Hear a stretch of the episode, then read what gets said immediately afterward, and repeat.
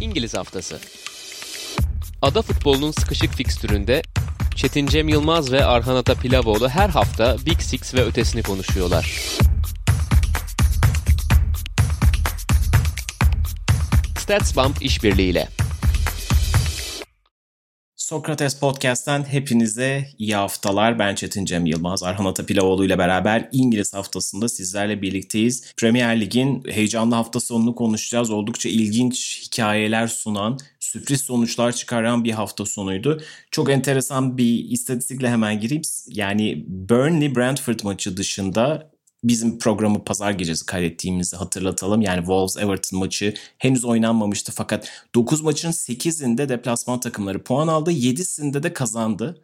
Yani ev sahiplerinin hiç gülmediği enteresan bir haftaydı. Leicester City karşısında Arsenal kazandı. Formunu sürdürdü. Newcastle deplasmanında kazanan Chelsea zirvedeki puan farkını 3'e çıkarttı. En yakın rakibi Liverpool karşısında Liverpool öne geçtiği yani galibiyete rahat rahat gidiyor gibi görünen bir maçta Brighton karşısında müthiş bir ikinci yarı performansıyla yani Brighton'ın müthiş bir ikinci yarı performansı bir puana razı oldu ve sezonun şu ana kadarki en flash skorlarından bir tanesini Crystal Palace aldı. Manchester City deplasmanında 2-0 kazandılar. Bu sene Crystal Palace'a birkaç kez dikkat çekmiştik. Gerçekten Patrick Vieira önderliğinde oldukça iyi bir seri yakaladılar. Ve haftanın büyük maçında da Manchester United 3-0 kazandı Tottenham karşısında ve krizden bir anlamda çıktı. Biz bu maçla başlayacağız. Arhan nasıl buldun? Tottenham yani geçen hafta Manchester United krizdeydi. Çok ağır bir yenilgi almıştı. Ezeli rakibi e, Liverpool'dan 5 gollü çok ağır bir yenilgi almıştı ve Solskjaer'in günleri sayılı gibi konuşuluyordu. Hatta hafta boyunca işte Conte gelecek mi, Zidane mı falan gibi yorumlar yapılırken United gerçekten bir reaksiyon verdi ve bu sefer tam tersine Tottenham'ı krize attı gibi oldu. Maçı nasıl buldun? Manchester United'ın reaksiyonunu nasıl buldun diye sorayım. Abi açıkçası geçen hafta buna benzer bir performans bekliyorduk sanki e, kamuoyu olarak. Çünkü Ole Gunnar Solskjaer göreve geldiği günden bu yana her zaman kilit maçlarda şapkadan tavşan çıkartmayı başarmıştı. Evet Atalanta maçında bir geri dönüş olmuştu ama gözler Liverpool maçındaydı. Çok formda bir Liverpool kazanmak zorunda olan United kaybederse gitmesi çok muhtemel olarak nitelendiriliyordu. Kaldı. Aslında bu performans Liverpool maçında sanki olması gereken bir performanstı ama Solskjaer yine farklı bir şapkadan tavşanı Spurs maçında çıkardı ve dediğin gibi şu an İngiltere'de en büyük en sıcak gündem Santo'nun görevinden alınması. Alınacak mı alınmayacak mı? Muhtemelen Tottenham kulislerinde bu dönmeye başladıysa ya bugün olmazsa 3 hafta sonra 4 hafta sonra sezon sonunu muhtemelen göremeyecek gibi duruyor Nuno Espirito Santo. Bu ne kadar doğru onu da konuşuruz ilerleyen dakikalarda. Ama herhalde bu maç özelinde bir şeyler konuşacaksak Ole Gunnar Solskjaer'in üçlü tercihini konuşmak doğru olur. Çok konuşulan bir şeydi Manchester United'da. Özellikle sezon başından bu yana Vara'nın da gelişiyle birlikte. Üçlü oynar mı bu takım? Üçlü oynayabilir mi? Üçlü oynayabilir mi sorusu bence çok sorulacak bir soru değil çünkü çok zor. Neden çok zor? Bruno Fernandes'in konumlandırılması sıkıntı, kanat bekleri sıkıntı, orta sahada yaratıcılık sıkıntı. Pek çok sıkıntı var üçlü oynaması için Manchester United'ın ama şöyle bir şerh düşebiliriz bunu konuşurken. Belli maçlar içinde oynayabilecek bir takım United. Bunu da Spurs maçında bence gösterdi. Çünkü Tottenham sezon başından beri belki hatta sezon başından değil Mourinho'nun geldiği günden bu yana toplu oyunda çok sınıfta kalan performanslar gösteren bir ekip. Santo ile de beraber bu gelişmedi hatta geriledi bence. Çünkü Jose Mourinho'nun göreve geldiği ilk ayları hatırlıyorum. West Ham karşılaşmasıyla birlikte başlayan serüvende pek çok özel sekans hatırlıyoruz. Santo ile bunu hiç yakalayamadı Tottenham. Her zaman geride bekleyen, orta blokta bekleyen ve rakibi bekleyen bir formda izledik Tottenham'ı. O yüzden Manchester United'ın kurguladığı bu maç özelindeki yapı bence işler bir yapıydı. Üçlü kurdular. Üç stoperli bir yapı hatta. Yani bir tanesi topla oynayabilen bir bek de değil. Bunu geçmişte Luke Shaw'la yapmıştı Solskjaer. Öyle de değil. Tamamen üst stoper. Orta sahada yine Fred McTominay'den vazgeçmedi. Yani bu ne demek oluyor? Ben topu bırakıyorum size. Hani hem orta sahadan bir adam eksiltiyorum. Üstüne üstlük orta sahada da bir yaratıcı koymuyorum. Tamamen topu bırakıyorum ve geçişi kovalıyorum gibi bir planla çıkmıştı aslında Manchester United. Bunu da uyguladılar. Tottenham maç boyunca daha fazla topa sahip olan taraftı. Ve bu aslında onların üretken olamaması anlamına da otomatik olarak geldi bir bakıma. Çünkü dediğim gibi toplu oyunda çok sıkıntıları vardı Tottenham'ın. Manchester United'ın da geride bekleyerek bunu yapması, onlara topu bırakması iyiden iyiye üretimi etkiledi. Zaman zaman pres aksiyonlarına girer gibi oldu United ama maç geneline baktığımızda daha çok bekleyen top kaybettiğinde yapısını korumaya çalışan bir takım izledik aynı zamanda. Sen de elbette birkaç pencere açacaksın abi. Son olarak şunu söyleyeyim. Geçen haftaya göre çok daha değerli toplu bir United izledik. Geçen hafta bu programda da konuşmuştuk. United'da bazı oyuncular baskıya gidiyordu ama baskı desteklenmiyordu. Bastı desteklenmeyince de Liverpool'un topla buluşmaması gereken en önemli oyuncular çok rahat bir şekilde topla buluşmuştu. Andrew Robertson, Jordan Henderson, Trent Alexander-Arnold gibi ve onların topla buluşması 3. bölgeye geçişlerde Liverpool'un çok etkili olmasını sağlamıştı. Bu hafta bu yoktu. Çok daha değerli toplu, çok daha kompakt, hatlar arası mesafesi kısa olan bir United izledik. Bunda üçlünün de payı var. Neden payı var? Üçlü hatta beşli diyelim buna. Payı şöyle var. Baskı yapmadı United. Çünkü topla oynamadığı için biraz daha derinde beklemeyi tercih etti. Daha derinde bekleyince daha kompakt oldu. Ve baskı yaptığı kimi sekanslarda da bence yine Liverpool maçındaki gibi sıkıntılar yaşandı. Özellikle Tottenham'ın ilk yarıda birkaç kere çok rahat çıktığı pozisyon var. Bu işte orta vadede e, yine canını sıkabilir Manchester United'ın. O yüzden e, kurgulanan plan bu maç için evet geçerliydi, evet doğruydu ve evet sonuç aldı. Ama hala ne kadar devam ettirebilir bunu Manchester United o, o konuda çok emin değilim. Evet yani ilk günden beri hep konuştuğumuz şeylerden bir tanesi Ole Gunnar Solskjaer'in hedef maçları çok iyi oynadı. Yani bazen işte belki şans da yanında oluyordu. Hep unutamadığım bir Paris Saint Germain maçı mesela. Paris Saint Germain'in 180 dakikanın yaklaşık 175'inde domine ettiği bir eşleşmeydi. Fakat işte bu taktik disipline sadık kaldıklarında, topu rakibe bıraktıklarında bu tip maçlardan daha iyi sonuç alabilen bir takım. Bu da o maçlardan bir tanesi oldu. Doğru. Bahsettiğin gibi yani 3 tane stoper tamamı stoper orijinli. Önlerinde Fred ve McTominay. Kanat beklerinin de üstelik yani Chelsea'nin kanat beklerine Chelsea'nin üçlü oynadığı Conte döneminde kanat beklerinden bir tanesi mesela Victor Moses'ı çok iyi hatırlıyoruz. Bir tanesi de Marcos Alonso'ydu ki hani o da çok ofansif bir bek. Burada yine dörtlünün iki beki olan Van Bissaka ile Luke var.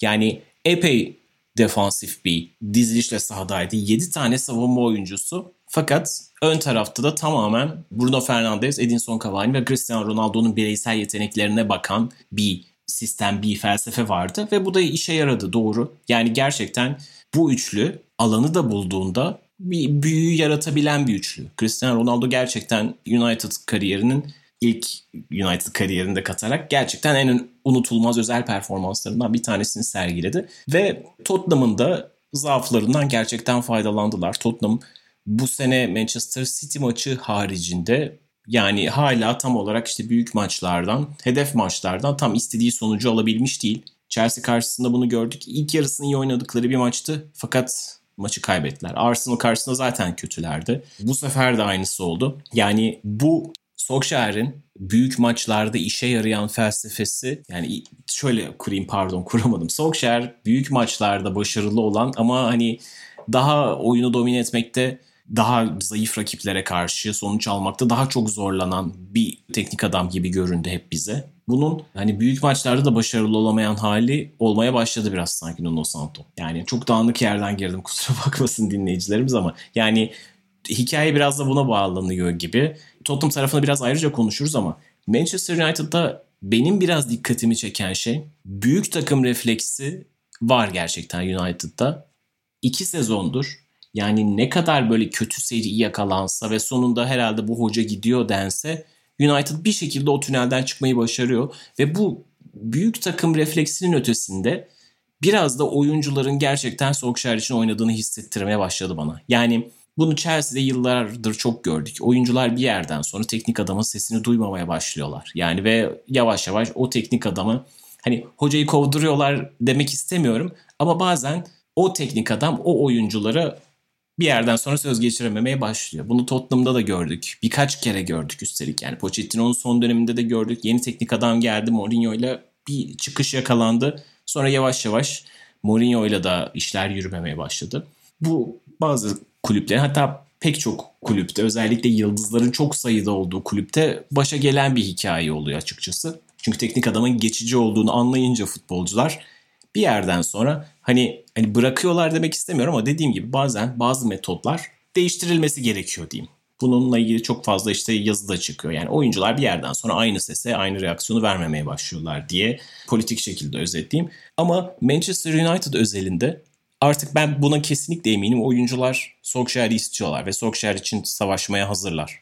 Yani United gerçekten çok ağır bir fikstüre girmişti. Atalanta maçında ikinci yarıda verdikleri reaksiyon çarpıcıydı. Villarreal maçın hatta biraz daha öncesinde yine Villarreal karşısında da çok da, dramatik bir golle kazanmışlardı. Liverpool maçındaki fark pek çok açıdan çok büyük bir farktı. Yani Liverpool çok formdaydı. Manchester United kesinlikle o maça gerektiği gibi hazırlanmış duran bir takım görüntüsünde değildi. Ama bütün bunların arkasında takımın kötü gidişinde falan hiç oyuncuların Solskjaer'le ilişkisinin bir payı olmadığını cumartesi itibariyle hissettim. Yani Solskjaer'in hataları var. İşte belki diğer rakiplerin teknik adamlarına göre çok hani obsesif derecede taktiksel detaylarla ilgilenen bir hoca değil. Günümüzün en başarılı hocalarında hep gördüğümüz türden işte Tuchel gibi, Guardiola gibi, işte Klopp kısmen fakat Klopp insan yönetimi olayındaki farkıyla da biraz ayrılıyor ama hani bu kadar detaycı titiz bir teknik adam değil belki. Fakat oyuncularıyla ilişkisi konusunda beni tamamen ikna etti.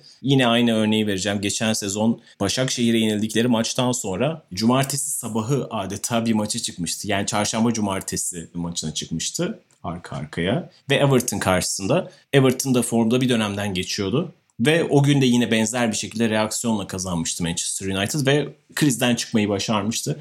Yine oyuncular bence Solskjaer'e sahip çıktılar diye düşünüyorum. Hala bu hikaye bitmiş değil. Yani uzun vadede görevi kaybedebilir. Yani orta vadede diyelim ne kadar uzun vadede zaten pek çok teknik adam için görev değişimi söz konusu oluyor ama orta vadede yine kaybedebilir görevini sezon sonunu göremeyebilir. Fakat en azından öndeki Atalanta ve gelecek hafta oynayacakları Manchester City maçı için yeterli krediyi almış durumda ve bir süre daha kalacak gibi görünüyor. Çünkü şu anda tekrar bu kritik galibiyetle kendisini başta Tottenham olmak üzere hani orta sıra, orta üst arasındaki mücadeleye tekrar atmış durumda. Hani bu maçı da kaybetseydi ilk dördün bayağı gerisinde kalacaktı. 6 puan gerisinde kalmış olacaktı. Fakat şu anda dördüncü West Ham'ın sadece 3 puan gerisinde ve hani yine alabilecekleri bir Manchester City galibiyeti bir anda Manchester City ile puan puana getirecek United'ı.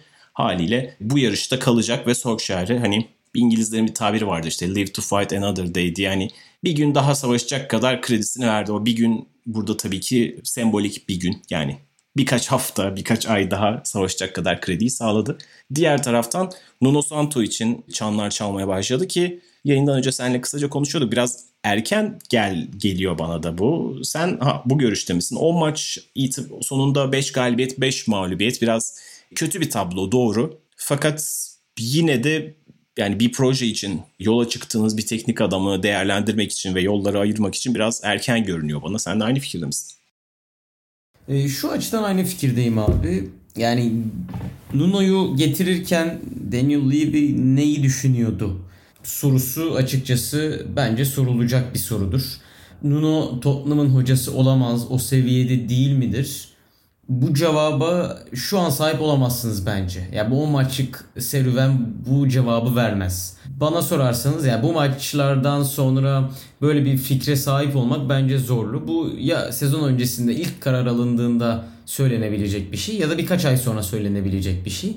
Diyorsanız ki ya Nuno Tottenham'lı olmuyor. Bu kadar başarılı bir teknik adam değil. Bence zaten bunu sezon öncesi de söyleyebilirdik. Seviyesinin oralarda olmadığını tahmin edebilirdik. Ki biz de mesela Mourinho ayrıldıktan sonraki yaptığımız podcast'te hiç adını geçirdik mi tam anımsayamıyorum ama Graham Potter'ın ismini daha önde yazıyorduk Nuno Espirito Santo'dan. Çünkü daha farklı şeyler vaat ediyordu. Benim düşüncem olmadığı yönündeydi ve bu 10 maçlık serüven çok farklı şekilde fikrimi değiştirmedi. O yüzden Santo'nun hatalı olduğu kısımlar var. Nedir onlar? Farklı şeyler çok fazla denememesi. Biraz değiştirdi bazı yerlerde yapıyı. Ama sene başındaki programımızda sanırım ilk ya da Review bölümünde konuşmuştuk. Üçlü oynayabilirdi bu takım. Çünkü kanat beki olabilecek, savunmada zaaf yaratacak oyunculara sahip ama aynı zamanda hücumu daha iyi oynayabilecek bek oyuncularına sahip. Stoperde oynayabilecek bek oyuncularına sahip. Farklı şeyler deneyebilirdi. Buna pek başvurmadı sezon içerisinde. Burada hata bulabilirim kendisine ama Tottenham'ın da sorunlu bir yapı olduğunu unutmamak lazım. Neden sorunlu bir yapı olduğunu unutmamak lazım diyorum. Kadro kalitesi açısından da evet defolar olan bir kadro. Ama ondan da öte zaten Harry Kane'in takımdaki varlığı zor bir görev. Yani orada hatalıysa evet Santo hatalı olabilir ama karakter olarak Harry Kane'i oyuna döndürebilecek bir karakter değil bence Nuno Espirito Santo. Yani bu sorunu çözebilecek profilde bir hoca değil. Onun için çok daha büyük bir e, hoca olması lazım ya da oyuna inandıracak bir hoca olması lazım. Bu ikisini de sağlayabilecek bir isim değil bence Santo. O yüzden zaten uzun vadede çok büyük şeyler vaat etmiyordu benim için. Bir proje hocası değildi. Daha çok geçişi yapılabilecek, geçişi sağlam şekilde atlatabilecek bir hoca gibi gelmişti bana. Günün sonunda da baktığımızda bence başarılı başarısızdan ziyade en başta yapılan hata başarılı mı başarısız mı ona bakmak lazım. Yani ben burada suçu Santo'dan ziyade biraz bu kararı veren Daniel Levy'de ya da Paratici'de buluyorum. Yani bence alınanla verilen arasında çok büyük sürprizler yok. Doğru yani Santo'nun Wolves'una baktığımızda önümüzdeki Tottenham tablosu çok da şaşırtıcı değil. Yani Wolves da çok sıkı bir takımdı ve birazcık hani zor gol yiyen, iyi formda dönemlerinde çok zor gol yiyen ve hücumda hani nispeten Harry Kane ve son ikilisine benzetebileceğimiz Adama Traore, Raul Jimenez ikilisinin bireysel gücünden verim alan bir ekipti. Yani şimdi buna baktığımızda tabii orada üçlü savunmayı çok deniyordu. Burada denemiyor. Bir, bir, bir sebebi vardır muhtemelen. Fakat yani tercihleri teker teker tartışılabilir. Ama evet genel tabloya bakıldığında, Tottenham şu anda ligde 8. sırada. Gerçi işte hani Wolves ve Everton oynuyorlar ve dolayısıyla 9. sıraya kayacak muhtemelen Tottenham. Ligin şu aşamasında 9.luk Tottenham gibi bir takım için facia sayılmaz bence. Yani 5 galibiyet, 5 mağlubiyet son derece hani böyle vasatın çok uçlarda gezen, vasatın tam zıttı diyebileceğimiz yani hiç ortası olmayan bir durum. Fakat bunun ötesinde problem bu takımın üretkenlik sorunu. Yani ligin en az gol atan takımından bahsediyoruz Norwich'i kenara koyarsak. 9 gol. Yani Tottenham gibi kadrosunda ligin en yetenekli hücumcularından ikisini hatta biraz hani genişletsek hani listeyi genişletsek Lucas Moura'yı falan da katarız. Endombele'yi de belli açılardan katabiliriz ama hadi çok elit seviye koyalım. Ligin en iyi 5 hücumcusu, 10 hücumcusu arasında direkt yazacağımız iki oyuncu var. Ligin gol kralı ve asist kralı sizde ama tabii ki bahsettiğimiz kötü yaz sebebiyle bundan faydalanamıyorsunuz. Ve yani şöyle durumlar olur. Bunu mesela Brighton'da görüyoruz takım çok iyi pozisyon üretir ama hani bitiremez. Şanssızlık vardır falan ve bunun toparlanacağını bilirsiniz. Bir yerden sonra o goller gelecektir yani. Ama Tottenham gol beklentisinde de ligin en kötülerinden bir tanesi. Yani beklentilerini az atmışlar. Fakat yine şey değil. Aman aman da azaltmamış. Ha gerçekten ligin en az gol beklentisine giren 4-5 takımından bir tanesi. Tam sayıyı şu an hatırlamıyorum ama. E, bahsettiğimiz sezonun 3 haftada 3 galibiyet aldıkları City galibiyeti dışında üst üste bir Watford bir de Wolves maçıydı yanılmıyorsam. Orada da rakipten çok daha geride oynayıp bir şekilde puanları almışlardı. Yani tam tersine iyi oynayıp kaybettiklerinin aksine kötü oynayıp kazandıkları maçlar da var. Yani tablo şu anda çok daha kötü olabilirdi. Haliyle bir geçiş hocası olarak bundan daha iyi bir başlangıç yapması beklenirdi.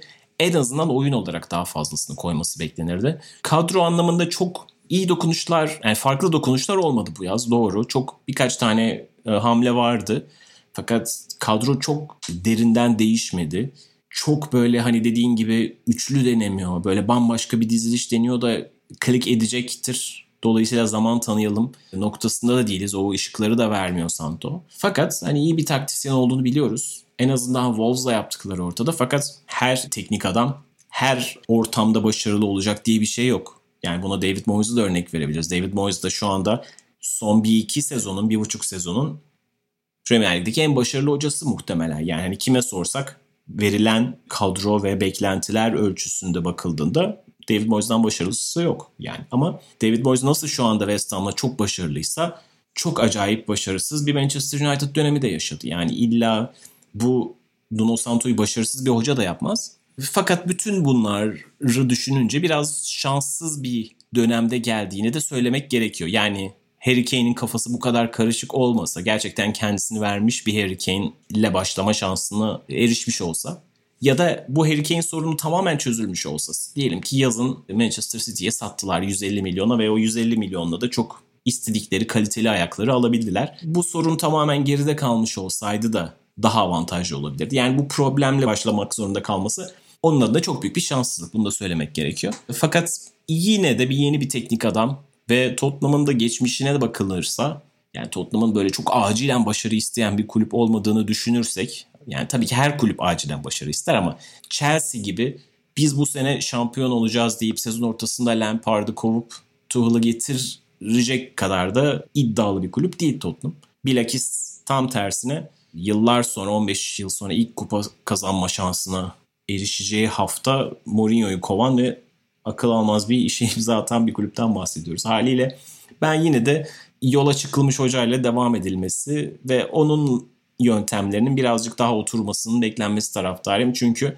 özellikle Arteta deneyi beni oldukça etkiledi. Arteta son dönemde sezon başına ve geçen sene ne kadar eleştirmiştik, ne kadar ağır kötü sonuçlar almıştı ama şu anda ligin en keyifli futbollarından bir tanesini oynayan bir takım. Bazen birkaç tane parçanın değişimi bile bir teknik adamın elini rahatlatıyor. Bir takımın ritmini değiştirebiliyor. Yani Tottenham için de belki gereken bir galibiyettir ya da bir Harry Kane'in kendisini daha fazla verebilmesidir. Dolayısıyla ben Tottenham'ın hedeflerini ve şu anda getirebilecekleri hocaları falan alternatifleri düşününce çok da acilen Santo'yla da yolları ayırmaları gerekiyor diyemiyorum. Ha, eğer, eğer diyelim ki Conte gelecek yani Paratici Conte'yi çağırdı. Conte de okey dedi. O zaman tamam derim herhalde ama bu şartlarda çok acilen işte bu değişimi yapalım falan dedirtecek bir durum yok diye düşünüyorum.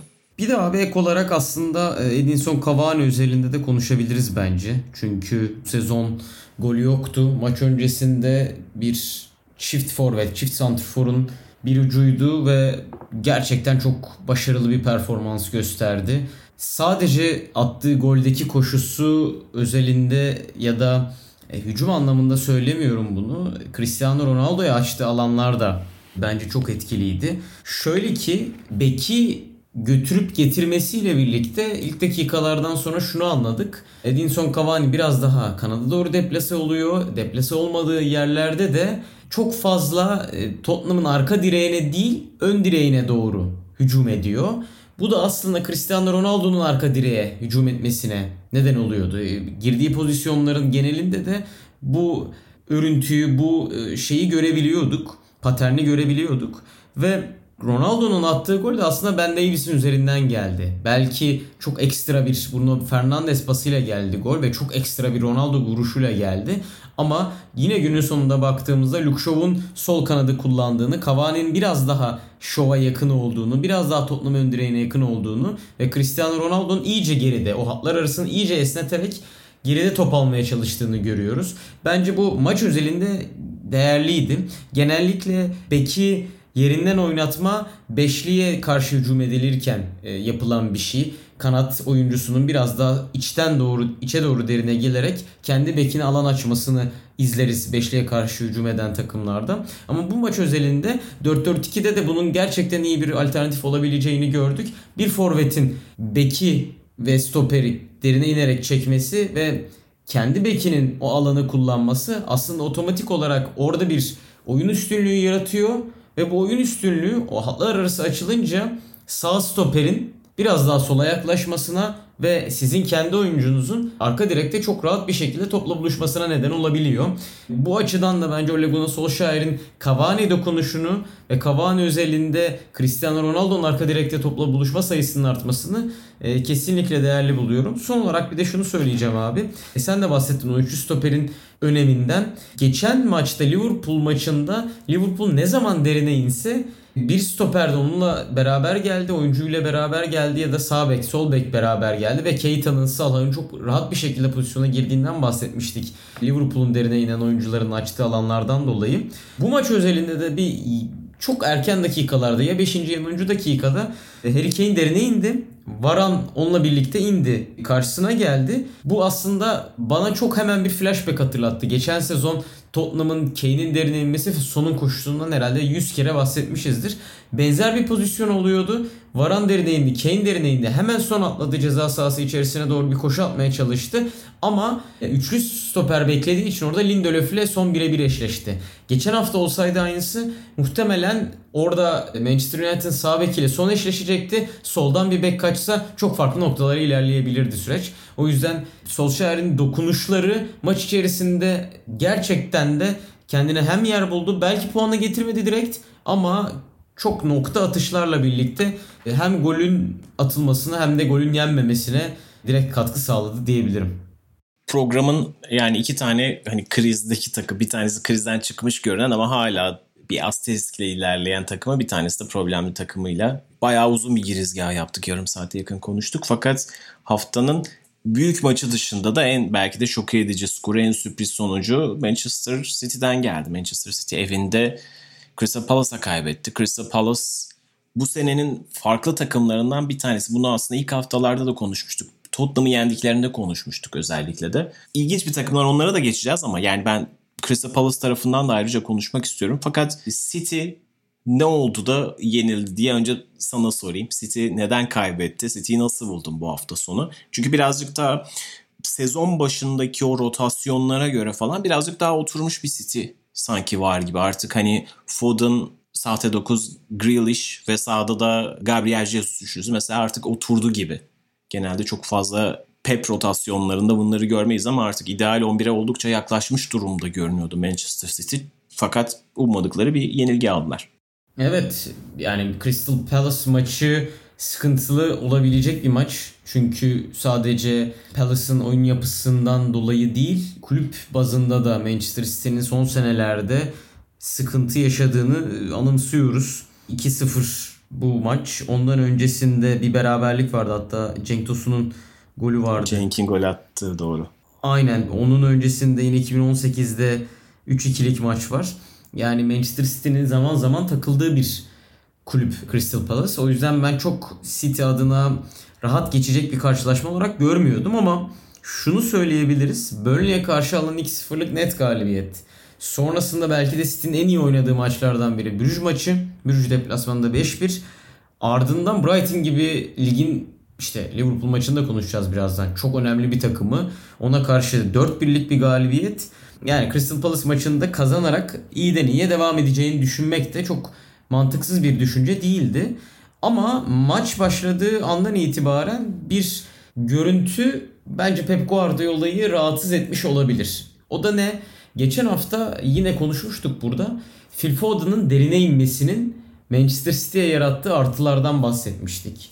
Burada Brighton'ın da reaksiyonu aslında Manchester City'nin işine gelmişti. Çok fazla geçiş bulmuşlardı. Çünkü Dan ve Joel Weltman, Bernardo Silva ne zaman derine inse birebir baskıda uyguluyorlardı. Bu geniş alanları geçişte çok rahat bulmasına sebep vermişti Manchester City'ye. İkincisi de Phil Foden derine indiğinde Lewis Dunk bu sefer onunla birlikte geliyordu ve Phil Foden gerçekten kaleye çok uzak bir şekilde yani Manchester City sete oturduğunda da direkt rakip ceza sahasına yakın olduğunda da çok fazla ceza sahası içerisinde gezinmedi. Aksine derine gelerek Lewis Dunk yerinden oynattı ve oraya Manchester City oyuncular durmadan koşu attı. Bu belki de Patrick Vieira'nın analiz ettiği bir şeydi. Çünkü şunu gördük maç başladığında. Crystal Palace savunması Phil Foden ya da Bernardo Silva derine indiğinde onunla birlikte gitmedi. Derine inen bir oyuncunun nasıl top aldırmazsınız aslında baktığınız zaman? Ya stoperleriniz derine inen oyuncuya tıpkı Brighton örneğinde olduğu gibi birebir gider. Ona top aldırmamaya çalışır. Topu alıyorsa da oyuncu sırtını kendi kalesine döndürmemeye çalışır ve orada o aksiyonu sonlandırmak ister. İkinci bir alternatif de Roberto Firmino'nun yaptığı gibi. Rakip orta saha oyuncusu, savunma önü oyuncusu derine indiğinde ona aslında bir gölge markaj yaparak önünde durarak pas bağlantısını kesmeye çalışmak. Bu ikinci yöntem Crystal Palace'ın maç boyunca aslında kullandığı yöntemdi. Çünkü Zaha'nın attığı gole bir daha bakarsak dörtlü bir orta saha hattı Manchester City'nin derine inen 3 orta 3 hücum oyuncusunu da engelliyor ve stoperler kesinlikle Foden'a gitmiyor ya da Bernardo Silva'ya ya da Kevin De Bruyne'ye gitmiyor. Hatta dediğim gibi yani o golü bir daha izlediğimde şunu gördüm. Andersen'in Foden'a olan mesafesi Kuyate'nin Foden'a olan mesafesinden çok daha fazla. Yani orta sahayla Foden arasındaki mesafe ile stoperle Foden arasındaki mesafe gerçekten çok açık. Bu da ne demek oluyor? Aslında onu da biraz açmak gerekiyor. Eğer siz orta sahanızla biraz gölge markaj yapıyorsanız oyuncu derine indiği için haliyle biraz orta sahanızı orta blokta biraz daha kendi kalenize yakın bir mesafede kuruyorsunuz. Bu ne demek oluyor? Manchester City'nin savunma oyuncularının topla daha çok çıkmasına sebebiyet veriyor. Bu bir tercih. Yani stoperlerin oyunun kurulumuna dahil olmasını risk ederek derine inen oyuncuların pas bağlantılarını kesiyorsunuz. Dediğim gibi bu bir tercih. Geçen hafta Brighton bunu yapmadı. Kaleciye kadar bastı. Orada oyun kurmasına izin vermeyip uzun toplarla Manchester City'nin etkinliğini azaltmaya çalıştı. Geçişte çok başarılı oldu City. O yüzden 4 gol yediler. Ama oradaki pres geçişe dönmeseydi belki Brighton kazanacaktı. Yani orada planlar aslında her spor dalında olduğu gibi bir şeyi riske ederek bir şeyden yarar kazanma üzerine kurulu. E, Crystal Palace da burada Laporte'un ve Ruben Dias'ın oyun kurmasını istedi. Bunun riskini aldı ve dediğim gibi Foden, Bernardo Silva, Kevin De Bruyne'nin pas bağlantısını orada e, dörtlü bir orta saha zinciri kurarak kesmeye çalıştı. Ve bunu çok güzel bir şekilde yaptılar. Hatta zaten ilk gole yeniden dönüp bakacak olursak Aymeric Laporte'un bir pas hatasından sonra Ruben Dias müdahale yapıyor. Belki orada da bir kart çıkabilirdi. Orada bir müdahale yapıyor. İstediği müdahale yapamıyor. Faul yapamıyor daha doğrusu. Ve Zaha'nın golü geliyor. E, Laporte orada hatlar arasında pas bağlantısını sağlayamıyor. Çünkü o dörtlü hat o pas bağlantısını kesiyor. Gelen bir hata ilerleyen dakikalarda kırmızı kart derken Crystal Palace bu bağlantıyı çok net bir şekilde kesmiş oldu. Buna benzer bir şeyi Southampton önüne basarak yapmıştı. Ve yine Manchester City'nin hem gol beklentisinde hem oyun yoğunluğu, oyun üstünlüğü konusunda sınıfta kaldığı bir müsabakaydı. Bugün yine Crystal Palace özelinde konuşacak olursak önde basmadılar. Orta blokta beklediler ama pas bağlantısı kopardılar ve bu pas bağlantısı koparma Manchester United'ın da geçen sene Etihad'da yaptığı ve başarılı olduğu bir şeydi. Gerçekten tebrik etmek gerekiyor bence Patrick Vieira'yı. Çünkü Brighton maçında Manchester City'nin yakaladığı fırsatların temelinde oyuncuların derine inerek çok rahat bir şekilde hem geniş alan bulması hem pas bağlantısı yaratabilmesi vardı. Ama bu hafta bunu rahat bir şekilde uygulama, uygulayamadı Manchester City ve uygulayamadıkça hata sayısı arttı. Hata sayısı arttıkça kırmızı kart geldi. Kırmızı kart gelince oyun iyiden iyi açıldı ve zaten klasik artık Pep Guardiola takımının mağlup olma şeklini son dakikalarda gelen golle bir kez daha görmüş olduk. Evet bu çok güzel özetledin City tarafını. Biraz da Crystal Palace tarafını özetlemek isterim ben de. Hani biraz sene başında da konuşmuştuk aslında ama şimdi yeni kurulan takımlarda bazı gelişmeleri görebiliyorsunuz. Crystal Palace'da çok kritik puanlar almıştı aslında ama ligin en fazla berabere kalan takımı ve birkaç tane çok dramatik puan kaybı yaşadı. Arsenal'a karşı son dakikada uzatma dakikalarında hatta Lacazette'in golüyle 2 puan bıraktılar. Brighton'a karşı yine 2 puan bıraktılar son dakikada yedikleri bir golle. Ve yani aslında sıralamada çok daha üst sıralarda olabilirlerdi. Ve muhtemelen onlar hakkında çok daha fazla işte yazı ya da işte sosyal medyada tweet falan filan görüyor olabilirdik. O yüzden çok flash bir başlangıç yapmadılar. Fakat ilk haftalardaki o Tottenham maçından sonra hep dikkat çekiyorduk. Yani burada farklı bir şeyler yapıyor. Tabii ki Roy Hodgson yıllarca Premier Lig'in en istikrarlı hocalarından bir tanesi ve en istikrarlı projelerinden bir tanesini oturtmuştu Crystal Palace'ta. Fakat burada belli ki artık hani bir ileri adım isteniyordu. Ve kadroda çok ciddi bir değişikliğe gittiler. 7-8 oyuncuyla yolları ayırdılar ki işte gerçekten bir kabuk değişimi yaşandı. Bazı yaşlı oyuncularla yolları ayrıldı ve çok kritik hamleler yapıldı. Bunlardan bir tanesi Chelsea'den gelen Mark Guehi ve geçen sene Fulham'da kiralık oynayan Lyon'dan alınan Joachim Andersen. Bu ikili direkt olarak savunmanın göbeğini değiştirdi. Sol bekte de çok iyi bildiğimiz Pierre Van Aanholt oynuyordu ve ya da Riedewald oynuyordu. Bu sene geçen sene rotasyona girmeye başlayan Van Bissaka gibi Crystal Palace'ın çıkarttığı bir genç yetenek olan Tyreek Mitchell. O da şu anda artık takımın solu ona emanet ve onun da geleceğinin oldukça parlak olduğu ortada. Onun dışında orta saha ve orta, ileride çok dramatik bir personel değişimi yok. Conor Gallagher'a ayrıca geleceğim. Chelsea'den aldıkları Olson Edouard çok iyi bir başlangıç yapmıştı. Fakat onun dışında bildiğimiz parçalar aslında. Wilfred Zaha bu takımın yıllardır imza oyuncusu, sembol oyuncusuydu. Hep Manchester United'a gitti geldi fakat istenen patlamayı bir türlü yapmadı ya da sezonların içerisinde çok görkemli dönemler yakaladı. Fakat bir şekilde Big Six takımların hep radarında olmasına karşın hiç e, gitmedi. İyi de yani bu takımı sevdiği kesin. Şöyle de bir durum var. Yani mesela Jack Grealish gibi 100 milyonluk bir transfere diğer kul yani öyle bir transfer yapmaya büyük kulüpler çok razı olmuyorlar. E Crystal Palace'ın da neredeyse her şeyi diyebileceğimiz bir oyuncu olduğu için Crystal Palace'a daha azına mesela 70 milyonun azına falan bırakmaz. E şimdi Premier Lig'de bu kadar paralar bu seviyeye gelmişken mesela Harry Maguire'a böyle 70'ler 80'ler falan veriliyorken Crystal Palace'ın da böyle değerli bir asetini çok pahalıya vermemesi anlaşılır. Haliyle Zaha'nın bu takımda kalması modern zamanlarda çok fazla görmediğimiz kendi takımında kalan bir süperstar hikayesini sürdürüyor. Bunu hep geçmişte daha fazla örneğini görürdük ama işte mesela az önce yine bahsettiğim Jack Grealish örneğindeki gibi artık bir yerden sonra oyuncular kupalar kazanmaya, şampiyonluk mücadelesinin içinde olmaya, Şampiyonlar Ligi'nde oynamaya, Avrupa kupalarında oynamaya gitmek istiyorlar. Zaha bunu yapmayan, hani çok genç yaşta aslında United'da yapan ama daha sonra geri dönen ve bir şekilde burada kalabilen ender, enteresan örneklerden bir tanesi. Zaha Roy Hodgson döneminde daha fazla kenarda oynuyordu. Kimi zaman Roy Hodgson onu biraz daha tabii ki onun da yeteneklerine yine güveniyordu.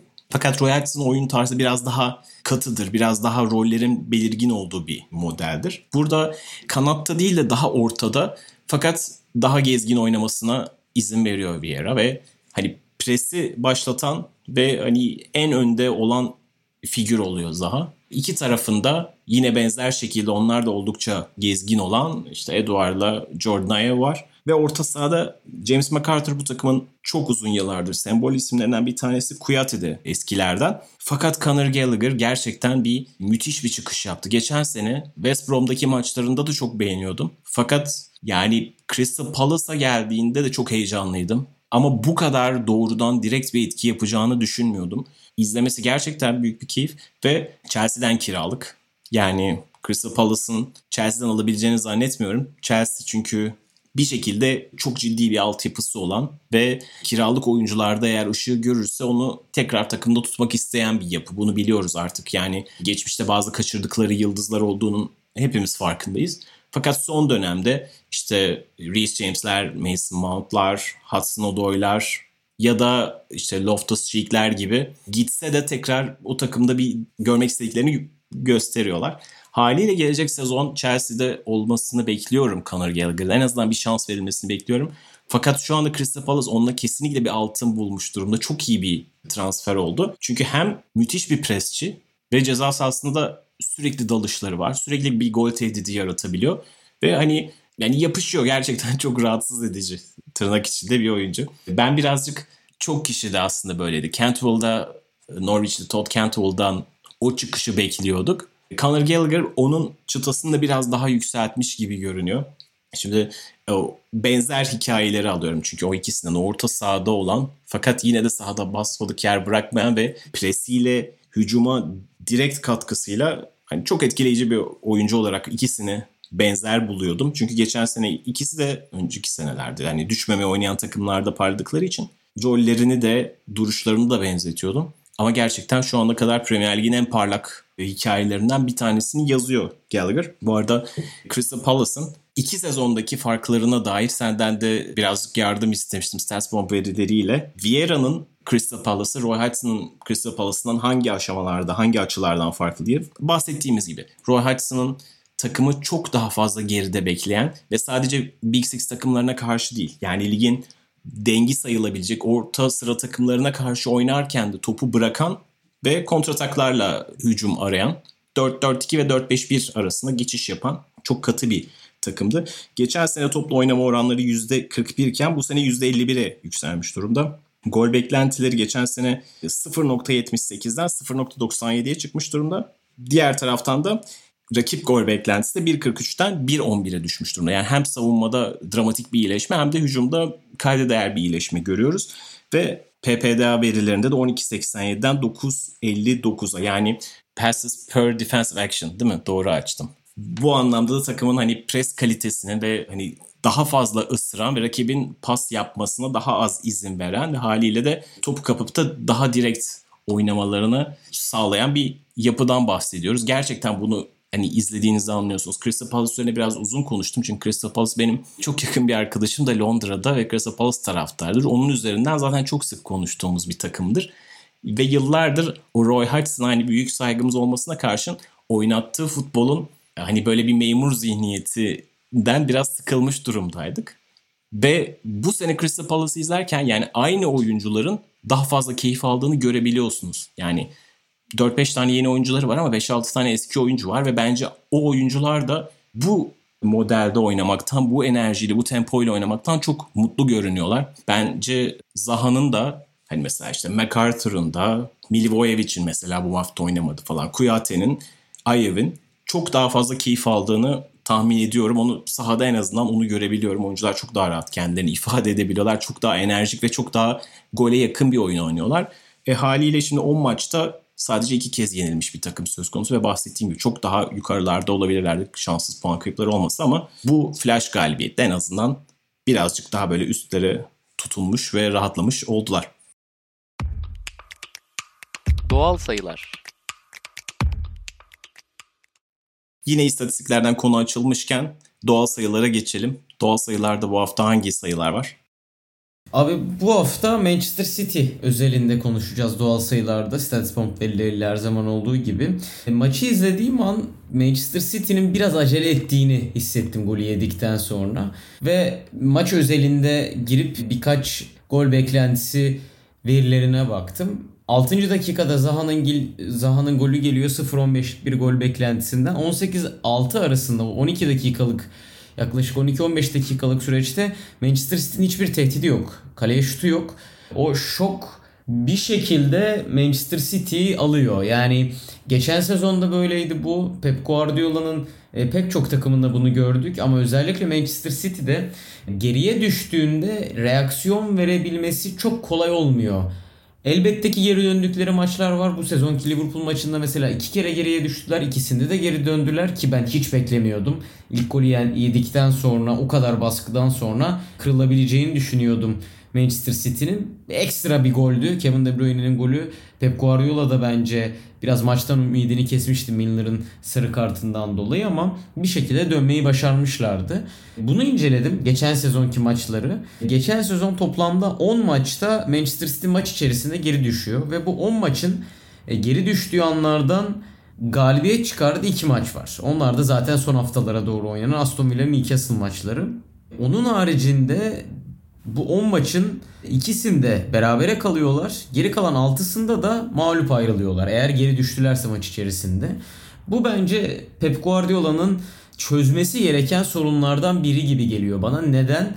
Şöyle ekleyeyim öyle devam edeyim. Bu sezonda 3 kere geriye düştüler. Tottenham maçına geri düştüler. Kaybettiler. Bu maç geri düştüler. Kaybettiler. Liverpool maçına geri düştüler. Ve 2 kere geri dönmeyi başardılar. Ama dediğim gibi bence biraz ekstra bir karşılaşmaydı o şuraya bağlayacağım. Manchester City'nin sezon başından beri konuştuğumuz bir negatif handikapı varsa o da bir golcüsünün olmayışı. Bu tarz maçlarda bu tarz çok fazla kaleye yüklenip yeteri gol beklentisini üretemediği maçlarda çok şut çekip ama kaliteli şut çekemediği maçlarda bir golcüye ihtiyacı olması gerektiğinden bahsediyorduk. Bu yüzden Manchester City'nin sıkıntı yaşayacağından bahsediyorduk.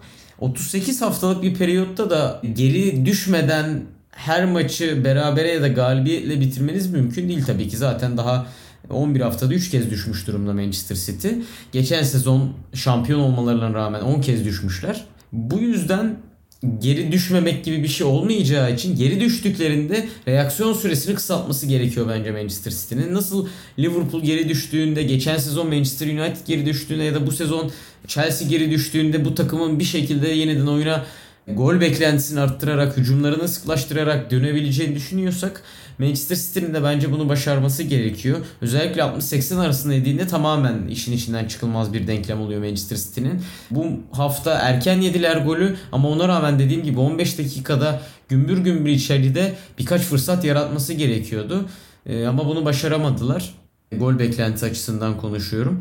O yüzden bence bu çözülmesi gereken bir sorun. Çünkü hem bir net golcünüz yok öyle şapkadan tavşan çıkartabilecek üstüne üstlük yani geri düşmeden de ligi tamamlayamazsınız. O yüzden Liverpool'un mantalitesi gibi bir mantaliteye sahip olması gerekiyor bence Manchester City'nin özellikle bu tarz bir golcüsünün olmadığı denklemi düşünürsek programın son bölümünde çok haftanın yine flash maçlarından bir tanesi. Aslında çok belki de haftanın en iyi maçıydı. İki yarısıyla da dolu dolu bir maçtı. Liverpool Brighton maçından konuşacağız ama çok sonuna geldiğimiz için biraz hızlı konuşalım diyeceğim.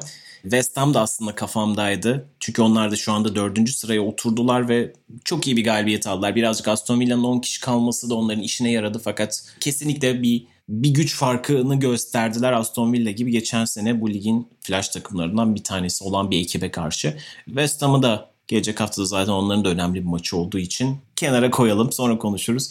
Liverpool Brighton maçını özellikle Brighton tarafından nasıl buldun? Brighton yani ben maçın son 15-20 dakikasında gerçekten Brighton'ın bu maçı alacağına inandım. Liverpool adına 2 puan bırakılmıştan ziyade bir puanın alındığı bir maç olarak gördüm. Sen nasıl gördün?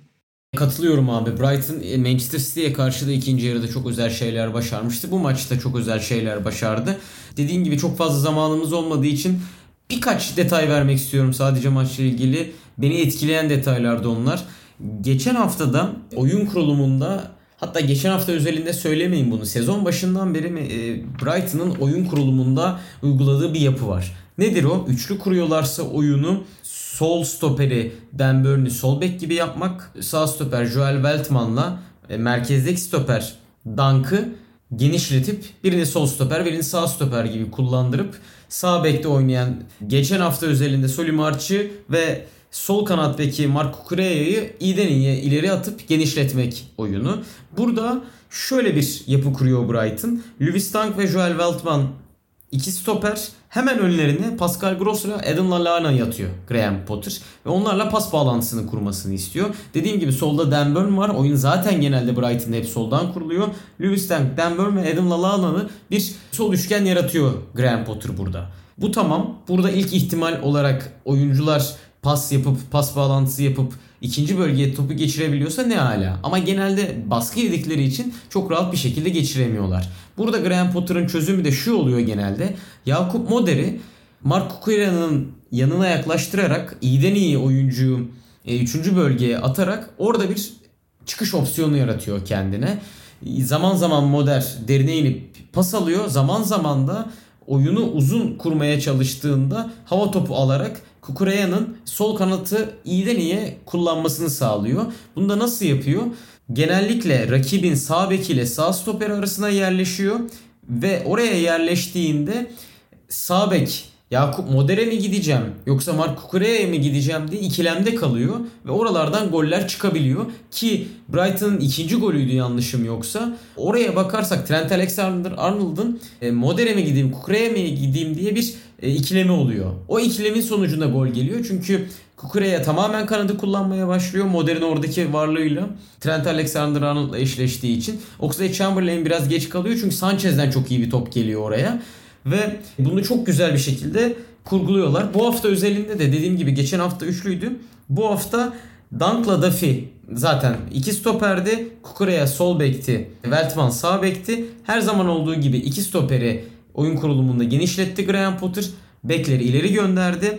Bu sefer Lalana ve Lalana ve Moder yerine Bisuma ile Mvepu vardı. Onlar yine Dunk Duffy ile eşleşti. Yakup Moder her zaman olduğu gibi yine Kukureya'nın yanına yanaştı ve oradan bir üçüncü opsiyon pas bağlantısı ekledi. Bence bu oyun kurulumunda hani daha çok toplu oynayan isimler genellikle işte Bisuma, Adam Lallana ya da Pascal Gross olabiliyor. Fakat bence oyun kurulumunda Brighton için en önemli oyuncu Yakup Moder ve ikinci golde de bence hani golün hiçbir yerinde gözükmüyor gibi olabilir. Ama oradaki varlığı e, Trent Alexander-Arnold'un kafasını karıştırması ve Kukure'ye açtığı alan Brighton'a golü getirdi. Yani Brighton'ı Yakup Moder özelinden izlemek bence çok daha eğlenceli oluyor. Oyun kurulumlarını izlemek çok daha keyifli oluyor. Çünkü dediğim gibi ikinci opsiyonmuş gibi gözüküyor. Ama orada bulunduğu konum itibariyle manipüle ettiği alanlar rakibin kafasını çok karıştırıyor. Ve bir anlık hatayla ya da bir kişisel beceriyle Brighton bir anda kendini rakip kalede bulabiliyor. Evet ligin gerçekten en ferahlatıcı, en keyif veren takımlarından bir tanesi. Yani ilk haftalarda da konuşmuştuk bunu. Yani Brighton, West Ham, Leeds United ki kötü bir başlangıç yaptılar ama Norwich deplasmanında kazandılar. Dolayısıyla birazcık o stresin üzerlerinden gitmesiyle belki onları da yeniden eskisi gibi görebiliriz. Ya da onları da konuşabiliriz neden geçen seneki gibi olmadıklarına dair. Bir dolu keyifli hikaye ve keyifli takım var. Bu seneki Premier Ligi ben geçmiş yıllara göre çok daha fazla beğeniyorum. Özellikle bu hani orta, alt ya da üst orta takımlarının daha renkli olmasıyla son yıllarda biraz iki taraf arasında sanki uçurum artınca bir tek daha fazla yaslanmaya dayalı bir formülle karşılarına çıkıyor gibiydi pek çok takım. Bir tek demeyeyim ama yani bu sene buna karşı farklı çözümler üretebilen takımları görmek çok keyif veriyor. Dolayısıyla özellikle Brighton'ı da hala izlemediyseniz izlemenizi tavsiye edelim. Günlerin Köpüğü